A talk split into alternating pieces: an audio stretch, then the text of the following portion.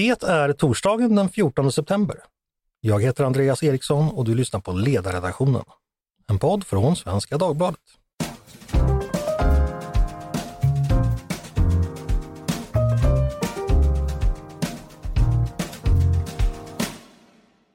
Varmt välkomna! I måndags var det precis ett år sedan riksdagsvalet och maktskiftet. En fjärdedel av den här mandatperioden är alltså redan över och det är hög tid att analysera och recensera detta första år för regeringen. Vad har regeringen gjort rätt? Vad har den gjort fel? Hur är det egentligen med tempot i reformerna? Kommer man hinna med allting man har lovat?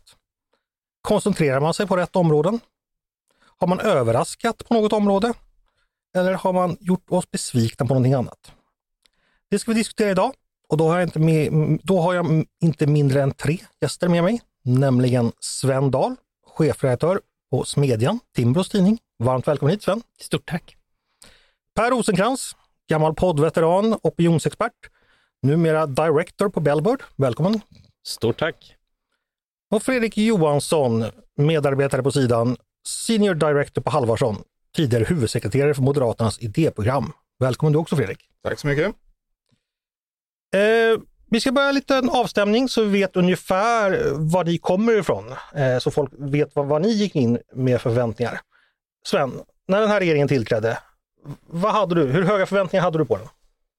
Alltså framförallt kände jag ju en oerhörd lättnad då på, ja, för ett år sedan över att eh, slippa fyra år till av så här, Magdalena Andersson och Morgan Johansson. Och det kan jag faktiskt fortfarande känna att det är en himla trevlig känsla.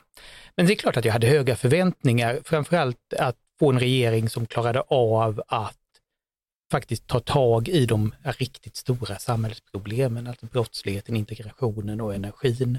Alltså det är frågor som har varit eftersatta under så lång tid och som hamnat i skymundan av allt så här taktiserande som hade dominerat de här åtta åren av rödgröna regeringar. Okej, okay. så det var alltså inte bara Christ, Ulf Kristersson är inte Magdalena Andersson, utan hade du så ändå någonting positivt på att, ja, förutom det? Ja men verkligen, att här fanns, här fanns det möjligheten att få ett, ett samspelt regeringsunderlag. För om det är någonting som, som jag tycker kanske kommit bort under det här året, det är ju så här att det här är ju ett regeringsunderlag som faktiskt är överens om de stora frågorna. Det var ett tag sedan vi hade en sån regering. Mm. Fredrik, i veckan kunde vi som läser Dagens Nyheter på ledarplats läsa att Kristerssons borgerliga projekt är i spillror. Man sammanfattar regeringens första år med ett facit som Ulf Kristersson knappast kan vara nöjd med ett år in i mandatperioden. Hans projekt har helt enkelt inte blivit vad det påstods vara eller vad många inom borgerligheten förväntade sig. Håller du med?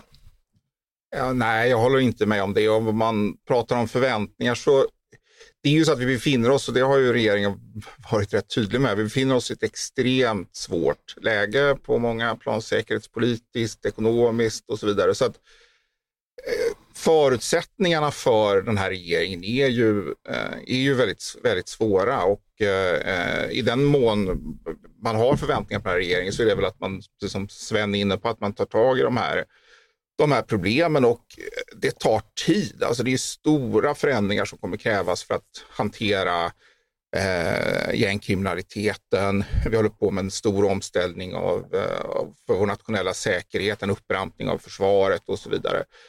Eh, och det kommer att ta, ta tid och det tror jag eh, avspeglar sig i mina förväntningar. Jag tror att det avspeglar sig i väljarnas förväntningar.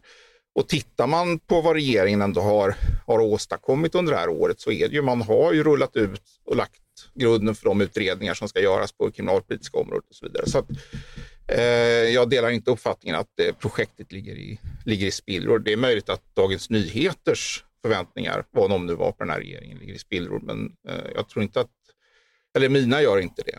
Nej, jag vet inte om de var så höga heller. För jag ska testa en annan tanke på dig. För den här ledaren fick svar i Expressen. Eh, då var det Susanna Birgersson som är, kolumnist där. Hon skrev så här att, att eh, vad regeringen ska göra är att strama åt migrationen, att komma åt skuggsamhället, att återupprätta lag och ordning i hela landet. Är det en bra, bra beskrivning av dagens borgerliga projekt, skulle du säga? Eller den här regeringens projekt? Jag tycker att hon hade rätt i det, att det är, och det är, det, är det som är det, är det stora projektet. Bekymret med det är ju att man på andra områden kanske inte har det reformfokus och reformtempo som man skulle behöva ha, inte minst på det ekonomisk-politiska området.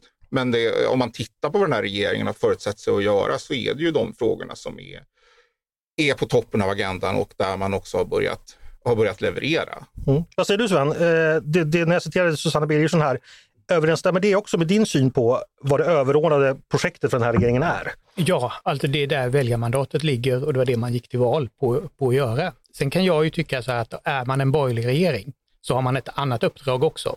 Att föra borgerlig politik på skatteområdet, till exempel sänka skatter är en borgerlig kärnuppgift. Och sedan är det faktiskt så att det finns ett antal stora långsiktiga ekonomisk-politiska utmaningar. Svensk ekonomi är inte i jättebra skick och där, det är frågor som, som regeringen måste adressera och där hade jag kanske hoppats på att man skulle göra mer. Men det är ändå så att, det är ändå så att det är inte konstigt att fokus ligger på, på de frågorna man valdes för. Mm. A lot can happen in three years, like a chatbot may be your new best friend. But what won't change? Needing health insurance. United Healthcare Tri Term Medical Plans, underwritten by Golden Rule Insurance Company, offer flexible, budget friendly coverage that lasts nearly three years in some states. Learn more at uh1.com. Jag ska bara släppa in Per här först. Eh, du sa innan så att jag får ju alltid bara svara för väljarna, det bryr du aldrig om vad jag tycker. Men första, första frågan så gäller faktiskt väljarna. Vad säger väljarna? Vilket mandat skulle du beskriva att man gav regeringen? Var det det här Susanne Birger som beskriver brottslighet och eh, ordning och reda i migrationen? Var det det som var det viktiga? Svaret på den frågan är att det finns inte bara ett mandat och det är det som är så jobbigt. Det finns ett grundläggande, tror jag, en valet hade inte vunnits för den här regeringen om det inte vore så att det var de här bekymren kring migration, kring lagordning och där finns det en grunduppgift att försöka lösa det. Men sen fanns det en grupp väljare som vi har pratat om tidigare i den här podden och det visar många eftervalsanalyser som mot slutet valde maktskifte på grund av den egna plånboken, på grund av ekonomin och de är ju inte tillfredsställda idag. Den här gruppen som röstade för lag och ordning och migration, de kanske tycker att det här alternativet är bättre än alla andra alternativ, men de är ju fortfarande inte tillfredsställda, för det har inte hunnit hända. Även om utredningar är tillsatta ser vi ingen förändring i verkligheten. Men det sköts i Vasastan igår senast. Men sen finns det en annan grupp och det får man inte glömma. Det finns också den är liten, historiskt liten, men den är inte obetydlig och det är alla borgerliga väljare, alla moderata, kristdemokratiska, liberala väljare som röstade för maktskifte, som också vill se borgerlig ekonomisk politik, precis som Sven var inne på. Så det, ibland kan jag tycka att det, det finns inte bara ett mandat, utan det finns tre, skulle jag säga, stora och ingen av dem är riktigt adresserade än så länge. Det tror jag, därför ser vi inte heller det här engagemanget för den här regeringen eh, som man kanske skulle kunna förväntat sig. Får jag fråga dig en sak Fredrik, är det meningsfullt att dela upp det så här att en regering måste göra antingen eller och att så att säga det finns olika frågekomplex man kan ta sig an. Om man bryr sig mer om ett så hamnar det andra automatiskt i, i, i skuggan. Är det rätt sätt att tänka eller går vi vilse där? Vad, vad tror du? Nej men det, det, blir väl så av rent praktiska skäl att tyngdpunkten i regeringen ligger ju, eller regerandet ligger någonstans. Men det är klart, det finns ju ingenting som motsäger att man bedriver en, en eh, reformagenda på det ekonomisk-politiska området eh, för att man tar tag i brottsligheten eller att man eh, stärker försvaret. Det finns ju ingen, det finns ju ingen motsättning i, i det. Det finns massvis av strukturreformer. Det ska också sägas att om man nu ska prata väl om regeringen på det området, att det sker ju också förändringar som också de tar tid. Alltså, tillståndsprocesser, omläggning av energipolitiken och sådär. Det, är ju, eh, det finns väl en oro för att resultaten av det här inte kommer komma, komma tillräckligt snabbt och därför kanske skattepolitiken också ur det perspektiv som, som Per pratar om är viktig för att det påverkar omedelbart så att, att folk ser i sina plånböcker att okay, nu har vi en regering som tycker att det är angeläget att jag ska få bestämma över en större andel av, del av min inkomst. Att det är ju så att säga ett påtagligt resultat. Omläggning av energipolitiken, det är ju en, det kanske tar ett decennium. Alltså det är ju samma sak med kriminal, alltså det är väldigt långa, eh, långa perspektiv i mycket av det regeringen har att hantera. Mm. Så är det ju. Eh, Sven, vad säger du? Du har ju en bra bakgrund som disputerad statsvetare till och med. Finns det någon gräns för hur mycket en regering kan göra samtidigt, alltså rent politiskt eller administrativt eller någonting, som gör att man måste helt enkelt prioritera och välja sina reformer? Alltså det är klart att det finns det, men det är ändå så att en regering klarar av att göra väldigt mycket samtidigt. Jag tycker det är intressant att titta tillbaka på Bildt-regeringen i början av 90-talet som ju hade att hantera en väldigt svår ekonomisk kris. Samtidigt klarar man av att göra ett antal ganska stora reformer som lever vidare och som verkligen är det man minns från Bildt-regeringen, att man gör de här stora valfrihetsreformerna. Man börjar privatisera. Alltså, den, alltså det går att göra väldigt mycket. Man gjorde allt utan att bli omvald. Ja, egentligen. Mm. Eh, ja, vad säger du Fredrik? Eh, Bildtregeringen är ett bra exempel. Nej, men jag, jag, är ju personligen rätt förtjust i, om man läser regeringsförklaringen från 1991 så är ju den, den är ju eh, nästan frustande i sin reformiver. Eh, att Sverige ska bli ett, ett eh, en företagarnation i världsklass. Vi ska ha en valfrihetsrevolution. Vi ska inte bara bli medlemmar i, i, i EG, EU, utan vi ska, det är en europeisering av det svenska samhället som ska genomföras. Alltså det, är en, det är en väldigt framåtlutad agenda som jag tror spelade roll för att regeringen hade ett momentum även under den liksom, eh, eh, de knepiga förutsättningar man hade, hade då. Det kan man ju lite grann sakna, inte minst på det ekonomisk-politiska politiska området. Och jag tror att ett bekymmer med det ur ett så att säga, borgerligt eller moderat perspektiv kan vara det faktum att, att avsaknad av en sån framåtlutad reformagenda öppnar upp för, att, för ett ökat sverigedemokratiskt inflytande så att säga, från vänster. Att det är det här som, som gör, det möj, alltså, gör det möjligt för Sverigedemokraterna att eh, blockera förändringar i socialförsäkringssystemet. Det, alltså deras skattepolitiska uppfattningar få genomslag. Och det är väl det som är, är regeringens stora utmaning, alltså hur man ska leverera på, på arbetslinjen, alltså generellt på arbetslinjerna, det vill säga att, att det ska löna sig bättre att arbeta. Nu kommer ett jobbskatteavdrag, det, det är jättebra. Jag kan ha jag skrev om detta i Svenskan i, i lördags på ledarsidan, att det, det, det, är en, det är en prioritering, men det finns ju någonting här också som handlar om de högsta marginalskatterna, där det är, det är en central, viktig framtidsfråga för Sverige att vi, att vi liksom pressar ner de högsta marginalskatterna. Och det, bristen på momentum i detta riskerar att öppna upp för att man påverkas av, av så att säga, vänsterlutningen inom Sverigedemokraterna och det tror jag är, är, är... Hur, hur stor är den risken just nu? Har, har den växt sedan valet skulle du säga? Ja, men de har ju, de har ju det. Det var ju alldeles uppenbart att vad gäller, vad gäller återgången av, eller uppstramning på socialförsäkringssidan så har ju de det, var ju, det, var, det, var ju, har ju även statsministern medgivit att man har, har varit, varit tvungen att, att släppa den frågan. Och det är klart att det, det är ju ett inflytande som, är, som inte är bra för, för landet. Så att det, det sker, ju redan, sker ju redan nu. Och hade man, fördelen med ett moment, politiskt momentum i sådana här sammanhang kan man ju Eh, eh, uppfattar i alla fall jag, är att, är att man kan trycka tillbaka den typen av inflytande. Så att, eh, mm. Vi ska snart fortsätta med politiken. Bara en formfråga. Vi har fått höra att det har skett en omorganisering på statsrådsberedningen. Någonting som heter SP Inrikes. Det låter som en socialdemokratisk organisation för kommunistregistrering, men det ska enligt statssekreterare Anna Dahlberg ha ett särskilt ansvar för att statsministern har god överblick över centrala reformer och även säkerställa framdrift i departementsöverskridande frågor. Är det ett tecken på att man liksom centralt från statsministern och från ledande politiker är lite missnöjd med hur snabbt det går? Vad tror ja, du Per? Absolut, så tolkar jag det definitivt. Jag tycker också Ulf Kristersson var väldigt tydlig i regeringsförklaringen nu häromdagen kring det här. När man nämner att specifikt uppgift är ju att korta, behålla kvaliteten i utredningsprocesserna men korta dem.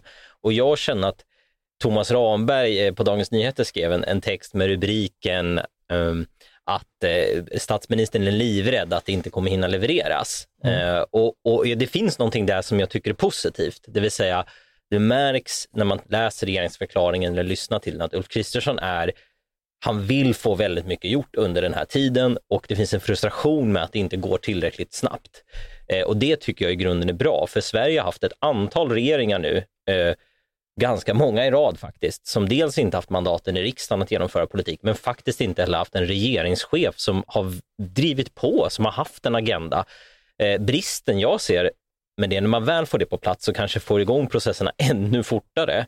Det tror jag kommer vara bra, men då måste man också bli bättre på att kommunicera vad är en övergripande, vad är det övergripande som regeringen tar tag i? För att låt oss nu ta, vi pratar om de här ledarskribenterna, vad de har skrivit och då blir det på något sätt okej, okay, det krävs en ledarskribent för att definiera vad regeringen gör. Då har inte regeringen varit så bra på att själva säga vad den pysslar med, utan det är ju styckevis och delt väldigt många bra olika utspel och besked. Det ser vi i budgeten och annat. Men vad är helhetsuppdraget som man tar tag i? Och det, där tycker jag fortfarande att man, eh, vi ska få ordning på Sverige sa man innan valet. Men, men vad är det nu så att säga? Det saknas lite och det tror jag skulle behövas också för att få, få med sig mer väljare i, i vad regeringen gör. Mm, kanske får gå till Bellbird och få hjälp. eh, Sven, vad säger du? Nej, men jag delar den uppfattningen att här i just det här eh, beskedet då i regeringsförklaringen finns ju det dilemmat att det här är så stora frågor där det kan ta decennier att få resultat. Men samtidigt så måste, man, måste man klara av att leverera någon form av resultat under mandatperioden. Men framförallt så måste man ju förmå kommunicera vart man är på väg. Det, som jag kanske, det som jag nog fascineras mest av så här under det gångna året är hur dålig regeringen varit att klara av att hålla berättelsen mm. om vad det är man vill åstadkomma. Om, för om det var någonting som var, präglade förra mandatperioden var det ju den starka berättelsen som Moderaterna hade om vad man ville göra. Alltså man lyckades driva agendan och Socialdemokraterna framför sig. Medan nu under ett års tid, alltså i regeringsställning, har man tappat den förmågan. Och där finns det någonting som jag tror att man måste ja, men, hitta tillbaka till om man ska kunna bli omvald. Och där tror jag det farliga i svensk politik för de borgerliga partierna och för Moderaterna, det är att dikotomin, det övergripande narrativet kommer att vara S mot Sverigedemokraterna. Och det är ju det Magdalena Andersson vill. Det är ju huvudbudskapet. Eh, och det, när det inte finns någon annan tydlig konfliktlinje så är det ju det som återstår. Och, och, bara för att ta den här skattefrågan då, utifrån ett opinionsperspektiv, så givetvis är det fler väljare som vill ha sänkt skatt för medelinkomsttagare och låginkomsttagare än för höginkomsttagare. Givetvis opinionsmässigt så. Men samtidigt, vad blir konfliktlinjerna? Om de ekonomisk-politiska skiljelinjerna mellan S och M blir väldigt små, vad finns då konfliktlinjerna i politiken? Ja, de där S vill ha dem och det är mellan SD och S. Så det är ett ytterligare, den utmaning som var i delar av valrörelsen.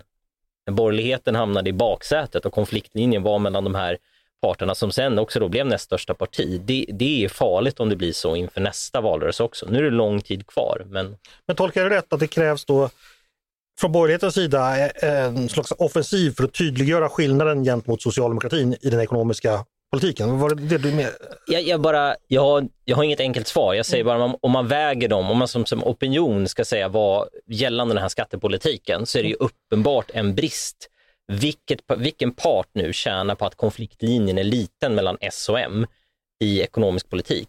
Då kan man säga att 2006 så tjänade Moderaterna på det till del. Eh, eller hur? Men nu är det inte helt uppenbart att det är Moderaterna och borgerligheten som tjänar på det. Jag tycker man ska utforska den tanken i alla fall. Jag kan, vem sitter med facit? Det vet jag inte, men jag, jag tycker det finns en fara när skiljelinjen mellan S och M blir ganska otydlig, men skiljelinjen mellan S och SD är jättetydlig, i alla fall retorisk. Mm. Fredrik, eh, hur nöjda ska vi vara med reformtempot? Eh, rent praktiskt, har regeringen fått ur sig ur händerna det man, det man kan kräva? Ja, det beror, eh, återigen, det beror på vilka områden man, eh, man tittar på. Jag, jag, jag, är ingen expert på det, men det man har, de utredningar som man har satt igång på det rättspolitiska området, så vitt jag kan bedöma så är det det vad man kan göra. Detta är stora omläggningar av grundläggande eh, lagstiftningskomplex. Alltså det, det, är långa, långa linjer där och där eh, är min bild att man, att man har gjort det man det man kan. Eh, på det ekonomisk-politiska området återigen, eh, man, eh, det sker där också, sker det, som jag nämnde tidigare, sker det bra positiva saker vad gäller man ska sprida upp eller få öka takten i tillståndsprocesser och så vidare. Man har tillsatt den här, och det, där är väl juryn ute, man har tillsatt den här produktivitetskommissionen eller utredningen som då ska titta på mer grundläggande konkurrenskrafts och produktivitetsbekymmer i den svenska ekonomin Eh, där kommer utmaningen, tror jag, vara att den kommer säkerligen landa i, i, eh, i, i rimliga och goda eh, reformförslag.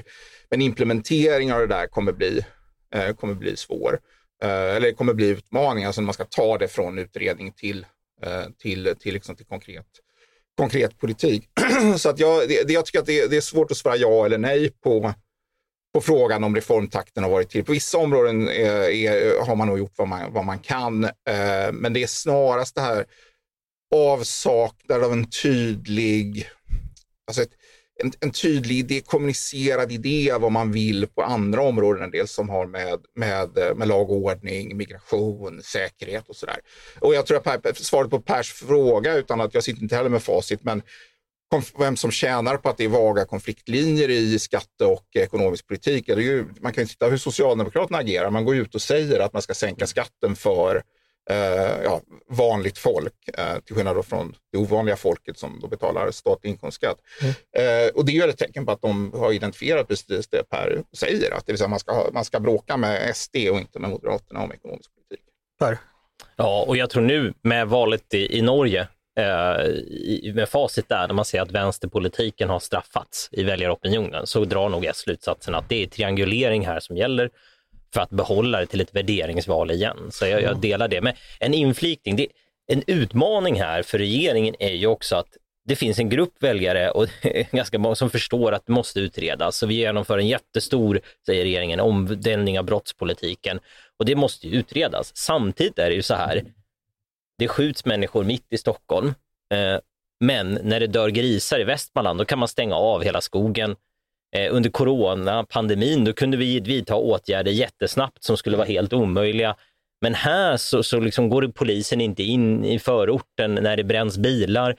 Det finns en frustration i stora delar av väljarkåren, tror jag, kring att man inte agerar, att inte någon sätter ner foten och bara, bara gör något. Grip dem, agera. Eh, och, och, jag förstår, här sitter man på justitiedepartementet, det är inte, Gunnar Strömmer kan inte personligen gripa, men det blir en diskrepans när vi ser att staten i bredare mening kan agera väldigt kraftfullt och invasivt i vissa situationer. Men gällande den här situationen med tonåringar som skjuter vilt och ibland barn, så står man ganska handfallen. Och det, det där bubblar nog under regeringen. Men vad är läxan då? Vad ska politikerna göra?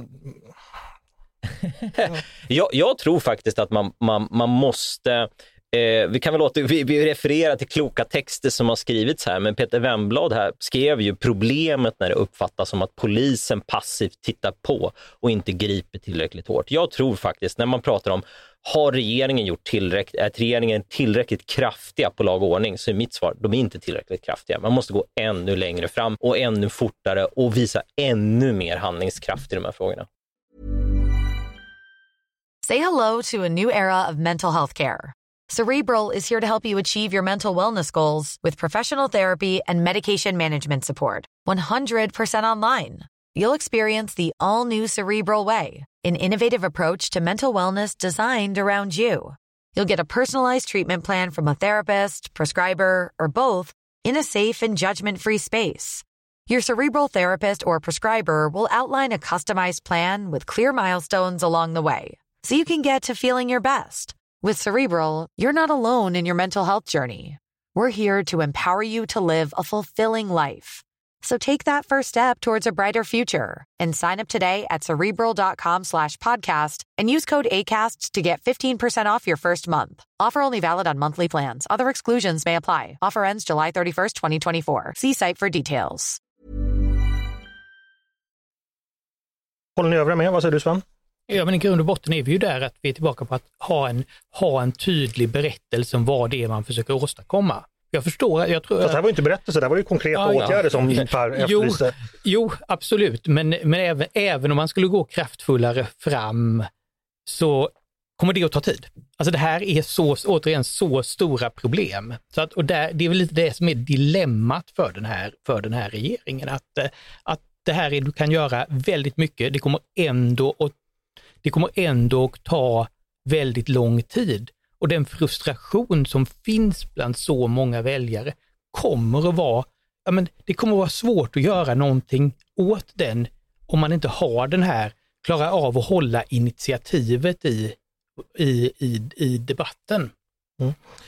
Hörrni, vi ska lämna brottsligheten lite. Eh, Per sa en sak, eh, det var ju de här med plånboksväljarna som var eh, i senaste valet. Eh, vi vet ju att svenska val ofta avgörs av plånboken.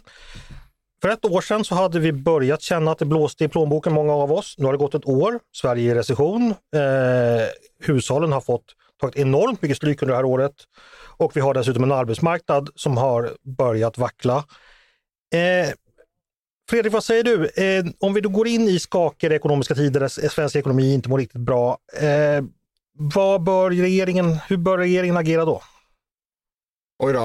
Eh, det är ju en, eh, eh, också här är ju saker och ting komplexa. Det är, alltså den här inflationen gör ju att regeringen är och delvis också låter sig bakbindas i, i, den, ekonomiska, i den ekonomiska politiken. Och det är ju det är återigen liksom vilket handlingsutrymme man, man har eller skapar sig på det, på det området. Och jag, har inget, jag, jag, jag, jag är fullt införstådd med att det här är otroligt svårt för finansministern att, att, att hantera. Men det är klart att en del av det här det är ju att lite grann om det är en lärdom från 91 eller från 2006, att man ändå har tydligare, alltså ett, ett reformtempo, en reforminriktning som, som skär eller ligger över så att säga, den, alltså den, den dagliga ekonomisk-politiska hanteringen eh, gör att man, att man får en bredare bild av den ekonomiska politiken. Men det är klart att det är ju, det är ju lätt att säga. Det är liksom, det är ju, nu är det ju, just nu är det ju mycket, det är mycket hantering. Mm. Per, vad, vad, säger du? Eh, väljare som går till valbåset med fyra år av eh stagnerande eller minskande reallöner kommer vi kanske inte välja om regeringen. Nej. Historiskt sett har det väl Nej. inte varit så. Man behöver inte vara fullblods historiematerialist för att mm. landa i den slutsatsen, men så är det. Jag menar, det är bara att titta på regeringen Reinfeldt 1 då 2006 och sen varför gick det så bra 2010 och så kan ni titta på räntan, hur den utvecklade sig. Finanskrisen ledde ju sen till sänkta räntor och vips ökade realinkomsten och då Och disponibel inkomst under året med tanke på skatte... Exakt, ja. exakt. Och jag tror att det där är jätteviktigt. Konjunkturen måste vända för att det ska bli ett återval. Förutsättningarna för det är ju ganska goda. Men jag tror man kan dra en läxa av den tid som har varit och det är hur man prioriterar de reformutrymmen man än har. Om vi tar då bensinskatten som kanske var ett bra vallöfte, men ja, då har man sagt att det ska bli billigare pump och så plöjer man ner skattepengar i detta. Eh, skattepengar, man sänker skatten, man kan sänka andra skatter. Och, och sen på grund av världsmarknadspriserna påverkar man ändå inte och så är det 25 kronor igen. Så att möjligtvis en liten läxa där, vad väljer man att prioritera? Att lägga väldigt mycket krut på saker som man själv inte styr över, vilket kanske är mycket, det, det, är vis, möjligtvis inte det mest taktiskt kloka om man ska nå människors plånböcker i nästa val tror jag. Mm. Jobbskatteavdrag är väldigt bra politik, Exakt. är ju läxan från, alltså från mm. alliansregeringarna. Mm. Och vi vet ju att recessioner, de, de är ju inte evighetslånga oftast inte. Så att man kan ju mm. tänka sig att ekonomin, eh, vi vet att 2024 kommer bli tufft, men sen har vi 2025 och det är inte val förrän 2026. Så då är, är vi i en annan ekonomi. Vi kan inte säga någonting om det nu, men Per, bara en fråga, vad, vad säger historien om det här? Hur mycket fokuserar väljarna på läget just nu och hur mycket tänker man tillbaks på det som har varit så att säga? Det, det, är ingen fara just nu tror jag att det går dåligt ekonomiskt för när man väljer 2026, utan det, då kommer man, man röstar för framtiden med ekonomin och den trendkurva vi har. Det vi såg i förra valet, det var att det var i princip i och med att den ekonomiska bedömningen av privatekonomin började dyka under sommaren. Det var då vi såg att oppositionen, alltså den nuvarande regeringen, började ta ikapp i opinionen. Så det här är väldigt dagsfärskt tror jag. Det är till och med för tidigt att bedöma när det är ett halvår kvar. Man kommer alltså inte 2026 tänka, jo men jag hade ett tufft år där 2024 så nu blir det inte, utan man kommer rösta på vad man tror att man är på väg och hur det ser ut idag när det gäller just den ekonomiska politiken. Det här är alltså en, stor faktor för att man ska vara lite mer optimistisk eh, eh över opinionen. Vad var det Reagan sa? Uh, are you better ja. off than four years ago? Och, och där är väl så här, om vi bara på omvärldsfaktorer, det, det, det går ju knappast att tänka sig ett sämre ut, lägen just nu. Jag menar det är NATO, det är, alltså allt är ju dåligt. Så egentligen är det ju, tänk alltså Reinfeldt, eh, nu blir det så optimistiska Per, men Reinfeldt 1 då låg alltså under 2007 med 15 procentenheter och nu ligger den här regeringen under med knappt 10 procentenheter. Mm. Eh, och då är ju egentligen alla omvärldsfaktorer negativa. Det finns väl ingenting positivt att lyfta fram i princip. Och någonting borde ju bli bättre av, av av liksom inför nästa val. Men då kommer vi till det där gamla Palme-argumentet att man ska inte rösta på folk med otur. För borgerliga regeringar har alltid otur. Ja, för jag hade ju tur i valet. Så det var eh, Sven, om man är en borgerlig väljare och så sitter man på middag i helgen och får höra då av någon som inte röstade på, på den här regeringen att det blev ju inte bra det här. Det är ju bara Jomshof och bensinpriserna är lika höga och det är ett elände. Vad ska man svara då tycker du? Jag tycker att man ska vara ärlig och säga att det som regeringen har gjort eh, är jättestora och jättesvåra saker som kommer att ta väldigt lång tid. Mm. Och om det var så att man röstade på något, ett rödgrönt parti så kanske man hade kunnat tänka sig att det här partiet hade varit engagerat i de frågorna tidigare, vilket vi ju vet att de inte var. Mm. För du tänkte prata lite SD. Fredrik, nu har vi ett års SD-samarbete. Eh, dags att utvärdera. Blev det som förväntat ungefär? Nej, men det, ja, att det skulle bli stökigt var väl som förväntat, men det är väl, det är väl också, det här är en ganska blandad, eh, blandad bild. Det är ju mycket, det är ju mycket ståhej kring, kring Jomshof eh, och oppositionen gör sitt bästa för att, eh, för att förstora upp de här frågorna. Samtidigt så är ju, är ju min bild att det dagliga arbetet mellan regeringen och, och riksdagsmajoriteten rullar ju på. Alltså det är ju inte, det finns, det, man löser ut de, eh, de konflikter man har, man regerar vidare eh, och, och det här stök. Det är, det, det är ju ändå ja, eh, intressant att vad gäller Jomshof så har ju visst Åkesson har varit ute och har väl kommenterat det där. Men det, det är ju, partiledningen har ju, har ju också hållit sig borta i hög utsträckning från de här, från de här frågorna, vilket gör att det, det, det får inte riktigt den traction som det skulle kunna få annars. Så det är ju visuellt så är, det, så är det stökigt, men jag tror att i praktiken så är, funkar det där relativt, uh, rullar på rätt väl. Vi vet ju att enighet historiskt har ju varit borgerliga eh, regeringars svaghet. Eh, har Kristersson fått för lite cred för att han faktiskt ganska snabbt sydde ihop en enighet med sitt regeringsunderlag och som faktiskt har hållit ihop? Vad, vad säger du Per? Ja, det måste man väl säga, särskilt eftersom att det var så många belackare innan som sa att det här kommer aldrig gå. Och jag tycker parlamentariskt och politiskt, igår var det väl gemensam riksdagsgrupp eh, mellan alla partier. Liberalerna och SD har gemensam riksdagsgrupp. Statssekreterarna stod längst fram från samordningen och det var mingel efteråt. Och det verkar ju fungera bra. Det utmaningen som jag ser eh, med det här, det är lite att SD kör fortfarande en frifräsarroll, särskilt kommunikativt. Det görs, vi tar ett exempel, spellagstiftningen och Socialdemokraternas partifinansiering. Och då går en sverigedemokratisk riksdagsledamot ut och säger nu ska vi korta första maj-tågen och äger hela bildsättningen kring det. Och så får S den här vanliga konflikten, S, Sverigedemokraterna, SD, Jomshof likadant.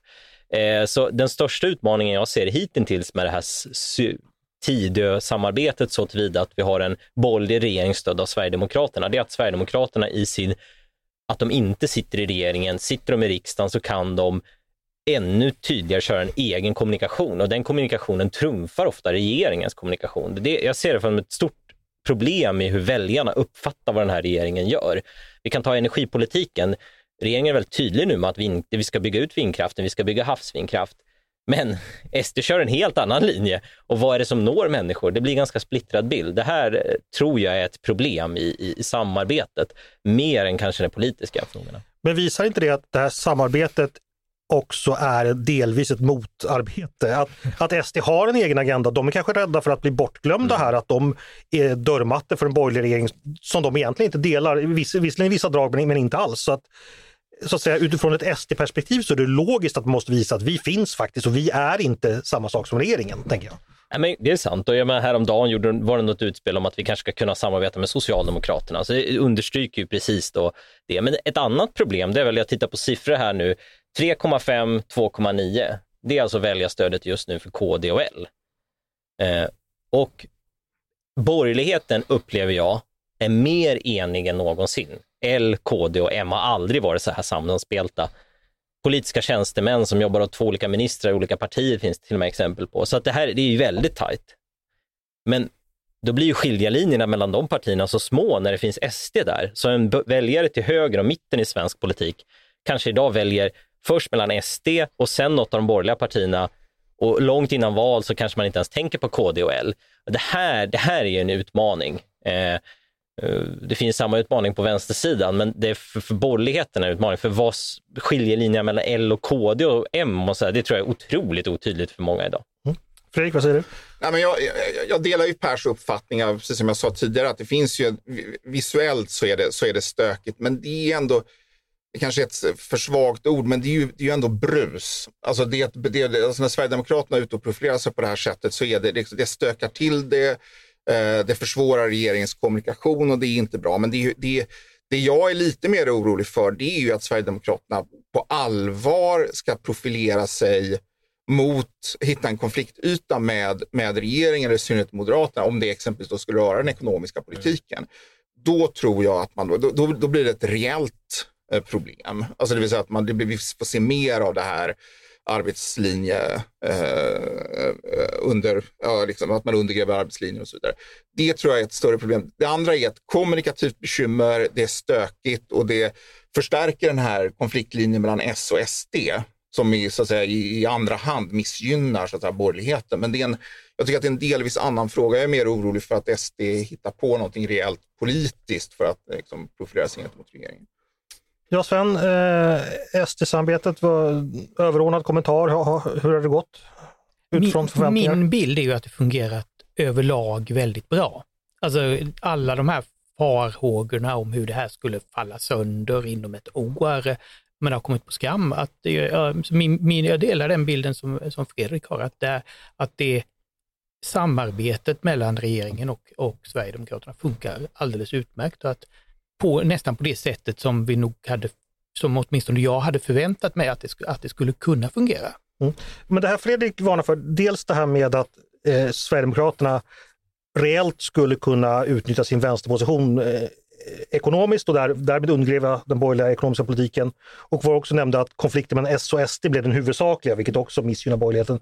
Hur ser du på de riskerna? Jag tror att de finns där, men frågan är Frågan är vad Sverigedemokraterna skulle ha att tjäna på det i det, kort, i det korta loppet. Om Sverigedemokratiska väljarna vet att de inte kan få att en socialdemokratisk regering skulle vara sämre än en borgerlig regering. Väldigt många, väldigt många Sverigedemokratiska väljare är tidigare moderatväljare och det finns ändå, det finns, alltså under ytan finns det ganska, en ganska stark värdegemenskap mellan väljarna till partierna i regeringsunderlaget. Mm. Vi ska börja sy ihop det här. Jag tänkte fråga, nu ska ni få, få ta fram spåkulan igen. Eh, vad är det ni tror är det avgörande de närmaste åren för regeringen om den ska lyckas med den har förutsatt sig att göra? Eh, vad blir det avgörande? Vad, vad, vad tror du Per? Mm. Omvärlds... Lätt fråga. Lätt fråga. Nej, men jag tror om, omvärldsläget såklart. Ja. Det måste bli bättre på några punkter. Vi kommer med i NATO, konjunkturen lättas upp. Men annars är det, tycker jag, att man visar på ändå det här viktiga mandatet man fick från väljarna att få ordning på Sverige i bred bemärkelse. Att folk känner att det faktiskt börjar, det börjar peka ditåt. Det kommer inte vara klart, men det börjar peka ditåt.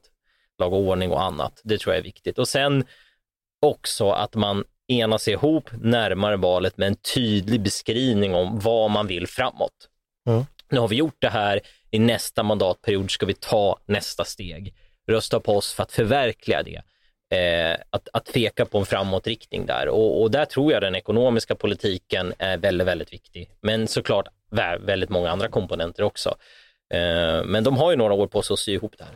Men för att alla förstår ju att gängen kommer inte försvinna på tre år. Eh, det är alltså sociala miljöer där ja, det är från att man föds mer eller mindre och växer upp i de här miljöerna. De, de kommer inte förändras. Alltså, hur mycket kommer det krävas för att rätt antal väljare kommer ändå känna att vi är på rätt väg? Vad ser du framför att Är det lite fler gripanden? Är det att skjutningarna går ner lite? Är det, eller vad, är det för känsla? Du... Ja, och det svåra med skjutningar och sånt, det är väl frågan hur mycket det egentligen beror på vad, vad, som, vad politiskt gör nu. Men jag tänker att man utredningar kommer ändå leda till sen genomförda beslut, eh, så man kan peka på att nu har vi beslutat det här. Eh, jag kan inte i huvudet, men om några straffskalor hinner höjas, man kan peka på det. Det finns ett antal saker som faktiskt kommer hinna träda i kraft eh, innan eh, nästa val och med det även några då, jag gillar inte alltid när man säger det, borgerliga ballonger, men lite sånt, lite gårdsförsäljning, danstillståndet har redan lite sån här symboliskt, man har en checklista, visa här, vi håller på att peta det här i rätt riktning. Eh, och kanske vi kommer också se en, det är svårt med styrning av myndigheter, men jag tror också det krävs en förändring på fältet, en upplevelse av att, eh, precis som man upplever att militären har mer, vilket de har, mer resurser, det finns fler eh, förläggningar, militären, eh, tekniken är bra, allt det där. Så måste vi uppleva inom polisen tror jag också, att de är mer aktiva, att det, att det är fler eh, som häktas. Och det ser vi ju redan, men ännu mer liksom, rent operativa framgångar tror jag också spelar roll. Samma fråga till dig Fredrik, vad ser du framför det blir avgörande eh, de närmsta åren ifall man så att säga, ska, ska hinna med det, eller börja hinna med det man har förutsatt, att även väljarna ska acceptera det så att säga?